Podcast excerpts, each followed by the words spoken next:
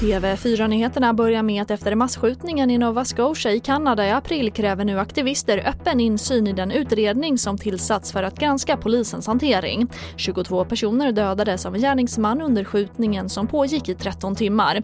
Och polisen anklagas för att inte ha varnat allmänheten i tid och för att ignorera tidigare anmälningar om att gärningsmannen varit våldsam mot bland annat sin partner. Och I södra Kalifornien har flera tusen personer uppmanats att evakuera sina hem på grund av kraftiga skogsbränder som rasar i ett område cirka 10 mil öster om Los Angeles. Bränderna startade i fredags och bekämpas nu både på marken och från luften av flera hundra personer från räddningstjänsten. Och att låta skolelever få börja senare på morgonen skulle minska trycket på kollektivtrafiken, det menar branschorganisationen Svensk kollektivtrafik, det rapporterar SR. Redan under maj månad varnade organisationen för att det kan bli trängsel i kollektivtrafiken när skolorna startar i höst.